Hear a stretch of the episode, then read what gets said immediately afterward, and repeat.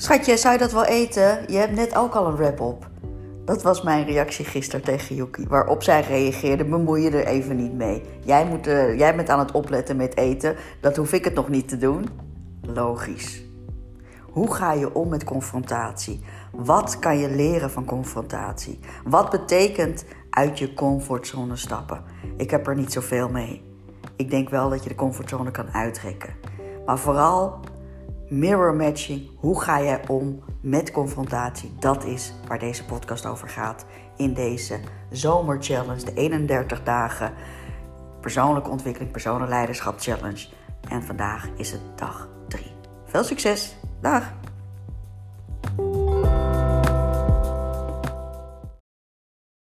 En hij zei: Mira, een te hoog vetpercentage is een gebrek aan persoonlijk leiderschap. Een te hoog vetpercentage is een gebrek aan persoonlijk leiderschap. En toen dacht ik, wauw, die is raak. Ik die het zo hoog opheeft over persoonlijke ontwikkeling en persoonlijk leiderschap. Ik die toch zelf met een te hoog percentage zat toen. En tegelijkertijd wist ik ook dat hij het heel goed wist te vertellen tegen mij, want hij wist waar ik mee bezig was. Dus hij wist ook dat hij hiermee bij mij binnenkwam. Dat is de kracht, jongens, van goed coachen. Wanneer de coach weet dat je persoonlijke belangen zijn en wanneer hij durft te spiegelen, wanneer je durft te confronteren, dan gebeuren er mooie dingen. Je kan je voorstellen, ik ben met coaching, en met alle coachopleiding, moet je alle, alle opdrachten en alle oefeningen moet je zelf allemaal uitvoeren. En zo ben ik erachter gekomen dat mijn drang om heel veel te vergaren in bezittingen, dat het voortkomt uit onveiligheid. Dat ik denk mijn veiligheid daarmee te kunnen kopen. Uh, ik ben erachter gekomen hoe ego een rol speelt in mijn uh, doen en laten. Ik ben erachter gekomen dat uh, ik in heel veel vlakken het idee heb dat ik niet goed genoeg ben, uh, ben en waar dat dan mee te maken heeft en hoe dat is ontstaan. Zo weet ik dat dat is ontstaan vanuit mijn verleden, vanuit mijn onveilige situatie, uit mijn verleden, vanuit uh, het niet kunnen verbinding kunnen maken in mijn vroegste jeugd, jeugd met de meest belangrijke personen in mijn leven, zoals ouders en familieleden. En overal kan je natuurlijk weer een verklaring op loslaten. Alleen er zijn maar heel weinig momenten, denk ik, dat je het idee hebt van shit, die komt binnen. Shit, die komt binnen. En als jij dat, die momenten, die spiegelmomenten, links laat liggen, dat is gewoon heel erg jammer. Vandaag gaan we het dus hebben over de learnings van mijn eigen coaching, maar vooral ook wat kan jij leren van confrontatie. En um, dit is altijd, hè, we hebben het natuurlijk altijd als we het hebben over uh, coaching of coachen sowieso, spreken al heel vaak over uit je comfortzone stappen en uh, daar waar je uit buiten de comfortzone ligt te groeien en dat soort termen allemaal. Allemaal van die dooddoeners vind ik persoonlijk, want weet je wat het is? Helemaal uit je comfortzone stappen is gewoon een no-go. Als, als iemand, stel, hè, stel iemand komt bij mij, die wordt gecoacht vanuit een soort van angststoornis. En ik zeg tegen die persoon, weet je, we gaan uh, helemaal uit je comfortzone stappen en we gaan die angst helemaal facen. Dat is gewoon niet handig. Daarbij raakt iemand nog meer in de put. Wat het enige wat we gaan doen bij coaching is gaan kijken in welke mate we die comfortzone enigszins kunnen oprekken. Het is veel meer als een ballon dan dat je 100% je leven moet omgooien. Ja, tuurlijk zijn er mensen die dat kunnen, die dat doen. Dat zijn bijzondere mensen. Dat zijn topsporters bijvoorbeeld. Dat zijn mensen die een ander soort manier van uh, discipline kunnen opbrengen. Maar dat zijn zeker ook mensen die, um, ja, die uh, op de een of andere manier het licht, hebben, het licht hebben gezien. Klinkt een beetje zwaar, maar in ieder geval iets hebben ontdekt vanuit hunzelf. Dat ze kunnen zeggen van, hé, hey, daar wil ik wat mee. Maar je hoeft dus niet 100% uit je comfortzone te stappen om winst te behalen. Dat wil ik eigenlijk mee zeggen. Het idee dat je uit je comfortzone moet stappen uh, en dat je totaal iets anders moet doen, dat is helemaal niet het geval. Maar mensen denken wel heel vaak zo. Mensen denken wel heel vaak in zwart-wit. Van ik moet dit doen of ik moet dat doen. Weet je wel, dat gaat op hele kleine gebieden als ik mag dit eten, ik mag dat niet eten. Maar dat wordt ook veel groter. Ik mag die wel bevriend mee zijn en die past niet in mijn relaties. Ik moet wel deze uh, mening van die persoon aantrekken en van die mening interesseert me geen reet. Wat we dan krijgen is gewoon polarisatie. En er is een heel groot verschil tussen polarisatie en autonomie. Daar gaan we het later over hebben. Maar waar het op neerkomt, is dat je heel vaak helemaal niet zo zwart-wit hoeft te denken. Helemaal niet hoeft te denken van dit uh, mag wel en dit mag niet. Heel vaak is het, het is en, en in plaats van of, of. En als je realiseert dat confrontatie is een stap om uh, de, die comfortzone een beetje op te rekken, dan kan je anders met de confrontatie aangaan. Wat we eigenlijk altijd zien is wanneer mensen worden geconfronteerd, dat ze 9 van de 10 keer in de verdediging schieten. Of in de aanval. Aanval, verdedigen is een vorm van aanval natuurlijk. Hè? Dus wanneer je wordt geconfronteerd, wordt 9 van de 10 keer schieten mensen in de aanval. Wat bedoel ik daarmee? Jij zegt dit, ja, maar dat komt omdat jij dat zei. Weet je wel? Uh, zou je niet eens een beetje op je voeding letten? Nou, als je er jij ermee gaat bemoeien, ga ik er juist niet op letten. Um, misschien moeten we wat meer tijd voor elkaar maken. Nou, vind je niet dat ik genoeg voor je doe? Dat, weet je wel, dat zijn dingen waarbij we dus geconfronteerd worden met ons eigen gevoel. En als die confrontatie wordt beantwoord met aanval of verdediging, wat in beide hetzelfde, hetzelfde mechanismen zijn, dan blijf je eigenlijk in hetzelfde kringetje doorgaan. Dus wat we eigenlijk naar zoeken is wanneer je wordt geconfronteerd, dat je daarmee aan de slag gaat. Dus als die coach van mij toen de tijd, jaren geleden, tegen mij zei: Mira, een te groot vetpercentage is een gebrek aan persoonlijk leiderschap. Toen dacht ik: shit, auw, die komt binnen. Wat moet ik daarmee? Wat kan ik daarmee? En de eerste stap is dan heel simpelweg om het te gaan ontleden. Wat is dan voor mij persoonlijk leiderschap? Bijvoorbeeld, kan je afvragen. Wat is dan de relatie met overgewicht en persoonlijk leiderschap? Inmiddels weten jullie natuurlijk dat Fitspel daar helemaal 100% over gaat. Hè? Overgewicht en persoonlijk leiderschap. Of gezond gewicht en persoonlijk leiderschap. Maar dat mijn overtuiging is echt dat persoonlijk leiderschap de grondbasis is om blijvende structurele verandering door te brengen. Nou, Fitspel gaat toevallig over uh, uh, blijvend slank worden, maar in mijn andere coaching uh, trajecten met mensen? Gaat het ook over relatie verbeteren, gaat het over een carrière switch, gaat het over teamleiderschap, hè, gaat het over stempel drukken, over visies, over missies. Dus het kan over heel veel dingen gaan, maar altijd gaat het over jou, hoe jij met de situatie omgaat en ga je vanuit confrontatie in de aanval of de verdediging, of ga je de confrontatie onderzoeken. En dat is wat er gebeurt als je open staat voor persoonlijke ontwikkeling, persoonlijk leiderschap. Want wat gebeurt er dan? Dan kom je eigenlijk erachter dat als je echt gaat voor die persoonlijke ontwikkeling, persoonlijk leiderschap, dat alles hoe jij interpreteert, wat jij interpreteert, hoe jij het interpreteert, ligt aan jezelf. Het is fucking irritant, maar het is super waar. En dat betekent niet dat de ander geen aandeel heeft in een bepaald soort uitwerking van hoe jij je voelt. Maar de mate waarop jij je voelt, is jouw eigen pakkie aan. Wat kan je ermee doen? Stel iemand is echt oprecht jou pijn aan het doen. Gebeurt. Gebeurt in relaties, gebeurt in hele goede relaties zelfs dat mensen de ander, de relatie, oprecht pijn doet. En dat je ook weet, omdat je de persoon gewoon heel goed kent, dat die persoon op, met opzet een opmerking maakt om jou pijn te doen.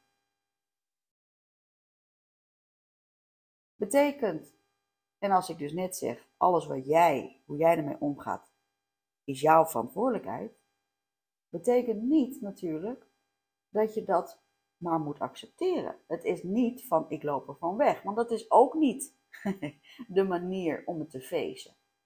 Van weglopen, nou ja, ik denk dat dat nog wel, nou ja, soms is het verstandig, maar in heel veel situaties is het misschien nog wel de zwakste oplossing.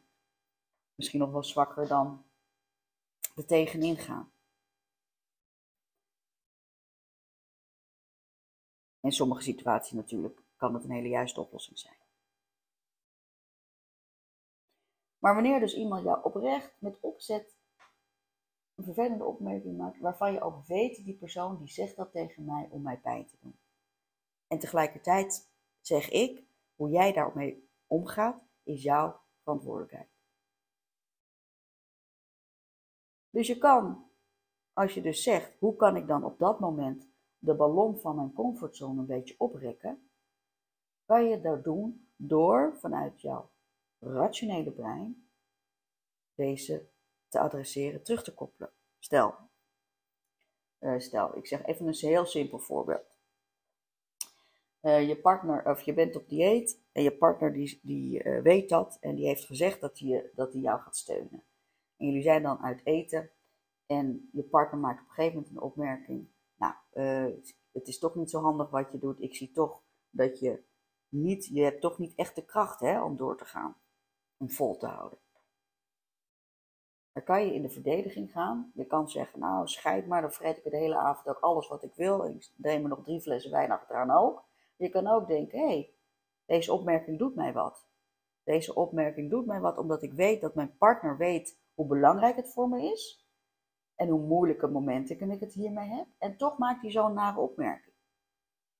Dus ga ik hiermee in de, in de vluchtmodus door te zeggen bijvoorbeeld, ik krijg het scheid, ik vreet alles wat los en vast zit vanavond. Ga ik in de bevriesmodus door helemaal niks meer te eten bijvoorbeeld en door stilletjes uh, weg te kruipen?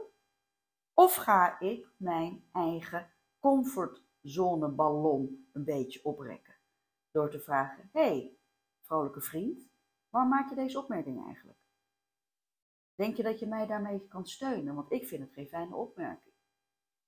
Moet je kijken wat voor reactie je vriend dan krijgt. Of uh, je vriend, wat voor reactie je tegenpartij dan gaat geven. Die is anders. Waarom? Omdat, omdat communicatie altijd gaat over actie-reactie. En communicatie gaat vooral over een aangeleerde actie-reactie. Als jij dus in een relatie zit met je partner voor 10, 20, 30 jaar, dan weet je hoe jouw partner gaat reageren. Waar ontstaan nou die, um, die situaties waarbij relaties op de klippen lopen? Omdat communicatiepatronen zo vanzelfsprekend zijn geworden dat we verwachten dat de ander jou begrijpt. Nou, dat is gewoon heel dom. Dat is gewoon heel suf. Want niemand begrijpt jou zoals jij jezelf begrijpt. Je kan het in geen enkele manier uitleggen. Tegen niemand niet. Iedereen, iedereen, iedereen heeft daarin zijn eigen uh, uh, interpretatie. En dat is gelukkig ook heel erg goed. Dus het enige wat je kan doen, is de verwachting loslaten dat de ander je zal begrijpen. En wanneer jij pijn ervaart, en waarvan jij denkt dat de ander dat jou aandoet, kan je daar dus liever de vraag stellen: hé, hey, waarom doe je dat? Waarom zeg je dat? Wat is de bedoeling daarvan? Denk je dat het helpend is voor mij? Wat kan ik daarmee? En stel nu dat die persoon zegt: Nou, zo bedoel ik het helemaal niet, schatje. Sorry, je weet toch, ik ben een beetje uh, kribbig, van bla bla bla. Ik heb het ook druk op mijn werk, bla bla bla. En toch blijft dat gevoel bij aan jou knagen. Toch blijft dat gevoel sudderen. En dan komt de volgende keer weer een opmerking en dan komt deze herinnering komt weer naar boven. Want zo werkt je geheugen. Je maakt een associatie in je hoofd en die herinnering komt weer naar boven. En ik, godverdomme, doet hij het weer. Godverdomme, laat hij me weer niet uitspreken. Godverdomme, houdt hij weer geen rekening met me. Zie je wel dat ik gelijk heb? Wij zijn zo goed in te zeggen. Zie je wel dat ik gelijk heb? Ik heb het je toch gezegd. Kan je niet een beetje rekening houden met me? Maar jongens, waarom moet de ander rekening met jou houden als jij geen rekening met jezelf houdt? Denk daar eens over na.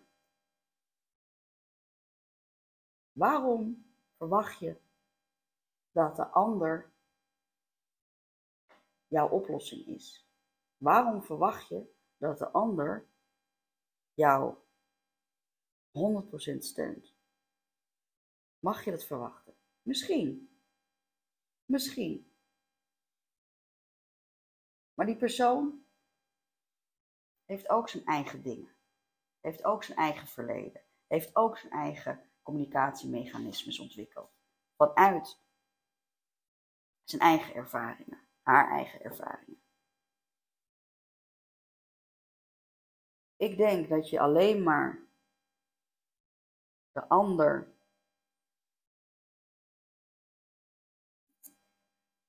mag vragen, of eigenlijk niet eens mag vragen, maar ik denk wanneer je de ander juist totaal vrij laat in zijn eigen en in of haar eigen manier van denken en ontwikkelen en zo min mogelijk verwachtingen creëert, dat dan jouw grootste winst geboekt gaat worden. Wanneer je een relatie gaat zien als een verwachtingspatroon en dat ontstaat, dat ontstaat omdat, ons, omdat je in een relatie zijn levens verweven. En je verwacht dat de partner dit doet en uh, voor dat zorgt. En je verwacht van de andere kant dat hij voor dat en dat zorgt. Dus er is een bepaald verwachtingspatroon ontstaan. Maar als je dat nou eens loslaat. Als je nou eens niet gaat zeggen. De confrontatie die ik nu te horen krijg. Die vervelende opmerking die ik nu te horen krijg. Die doet dit doet me pijn. Waarom doet het je pijn? Omdat je verwacht had dat de persoon je zou steunen. Mhm.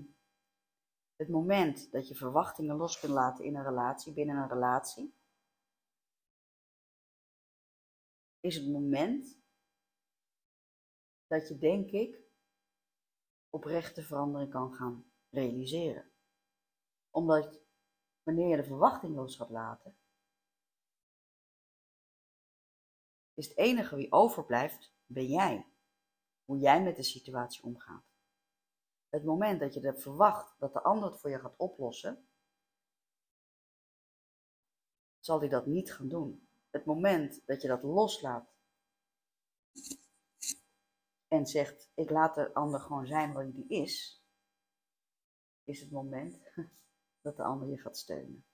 Hoe gek dit ook klinkt, zo werken deze mechanismes. Want het mooie is, uiteindelijk hebben wij mensen drie basisbehoeftes, eigenlijk misschien vier basisbehoeften, maar drie essentiële basisbehoeftes. En dat is één, autonomie, twee, competentie en drie, verbinding. En dus, als jij het hebt over de basisbehoefte autonomie, kan je voorstellen dat wanneer jij tegen jouw relatie zegt, je partner, je kind, je werkgever, je baas, wie dan ook, je vriendin, je vriend, als je tegen die partner zegt, ik wil dat je dit en dit voor mij doet, wat denk jij dat dat betekent voor de autonomie van jouw partner? Wat ik gisteren ook al vertelde, wanneer iets wordt opgelegd vanuit de overheid, we gaan met z'n allen, moeten we minder vlees eten bijvoorbeeld, dan ga ik direct jaren overeind staan.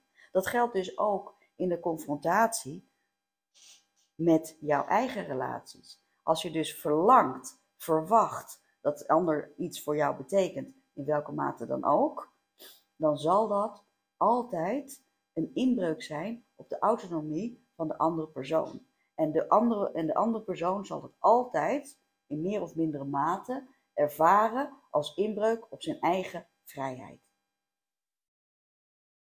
En we gaan nog een stap verder. Wat betekent dat voor iemands competenties? dus met competentie bedoelen we mee de mogelijkheid tot ontwikkeling. Als jij dus gaat bepalen wat jij nodig hebt, wat betekent dat voor iemands competenties? Nul. Nul. Want als jij dat gaat bepalen, zal die anderen niks leren. Want we weten, zoals ik gisteren ook al heb gezegd, je leert vanuit je eigen ontdekking. Precies waar coaching over gaat. Je leert vanuit je eigen ontdekking. Dat betekent niet dus dat je moet gaan, ehm, dat je moet, uh, gaan zeggen, nou zou je me zo en zo willen steunen? Nee, dat betekent als je het dus hebt over competenties en je wilt samen iets bereiken, dan betekent dus dat je zegt, dat je vraagt aan, de, aan je relatie, hoe zou jij mij kunnen steunen? Laat dus die oplossing, ook vanuit, ook vanuit autonomie gezien, maar zeker dus ook vanuit competentie gezien, laat die oplossing bij die relatie. Want als hij het vraagt, als jij het vraagt, goh, hoe denk jij dat jij mij kan steunen? Dan gebeurt er wat bij dat brein van die relatie, want die denkt, hey shit, ze hecht waarde aan mijn mening. Of hij hecht waarde aan mijn mening. hey shit, hij of zij vindt echt, heeft mijn hulp echt nodig. En op die manier ga je dus totaal, totaal andere manier van hulp vragen zonder verwachtingspatroon. En omdat je dat op die manier aanpakt, krijg je de derde, minstens zo belangrijk, is onze noodzaak die wij ons allemaal kennen van verbinding. Want we willen niks liever dan helpen. We willen niks liever dan helpen. Iedereen wil iemand helpen. Iedereen heeft het in zich dat we de ander willen helpen. Maar wel graag op onze eigen manier. En als je dat gaat bedenken en als je dat gaat inzetten voor je eigen relaties, maar dus ook voor je eigen ontwikkeling en dus ook voor je eigen manier hoe jij kijkt ehm, naar jouw eigen comfortzone en hoe jij onderzoekt hoe jij reageert op nare berichten, op pijnlijke opmerkingen, op um, gevoel van, van alleenstaan. Dat is jouw confrontatie, dat is jouw spiegel die wordt voorgehouden. Want elke keer dat jij ongemak voelt, is er iets in jou wat er zou kunnen veranderen. Niet in die andere persoon die die spiegel voorhoudt. Het is aan jou, het is, jij bent degene die daar last van hebt. Jij bent degene die daar uh, iets mee kan. Want zodra het moment jij helemaal of bijna helemaal gegroeid bent in je persoonlijke ontwikkeling en persoonlijke leiderschap, kan je van elke nare situatie, en ik spreek echt uit ervaring, kan je van elke nare situatie kan je ombuigen naar een leermoment. Is dat makkelijk? Nee. Is het waardevol? Ja. 100.000 procent. Je leven wordt er altijd rijker van. Emotioneel, eh, spiritueel bedoel ik dan, mentaal. Dus, de opdracht voor jou voor vandaag. Challenge, Augustus Challenge in 31 dagen. Groter persoonlijk leiderschap en uh, uh, persoonlijk leiderschap. De opdracht die bij vandaag hoort. Kijk eens in de spiegel. Wat leer je van jouw eigen confrontatie? Wat leer je van je eigen ongemak, moet ik eigenlijk zeggen? wanneer iemand anders jou confronteert met het een en ander. Bedenk eens even een situatie waarbij je je ongemakkelijk voelde, waarbij je het gevoel had dat de ander jou niet begreep, of waarbij misschien zelfs je het gevoel had dat de ander jou opzettelijk pijn deed. En ga daar gewoon analytisch naar kijken. Schrijf het op. Wat was de situatie? Hoe voelde je je daarbij? Wat voor gevoel riep dat op? En hoe zou je de situatie, wat heb je gedaan, sorry? Dus we gaan eerst gewoon het ABC'tje doen. Wat is het activated event? Wat was de situatie? Wat was de behavior, de B van behavior? Wat was je reactie daarop? Uh, en C, wat zijn nou de consequenties? Nu gaan we dus kijken, dezelfde situatie, als je dat vanuit je verstand gaat bekijken, hoe zou je het op een andere manier kunnen oplossen, waardoor er ook een andere oplossing ontstaat. Heel veel succes en tot morgen.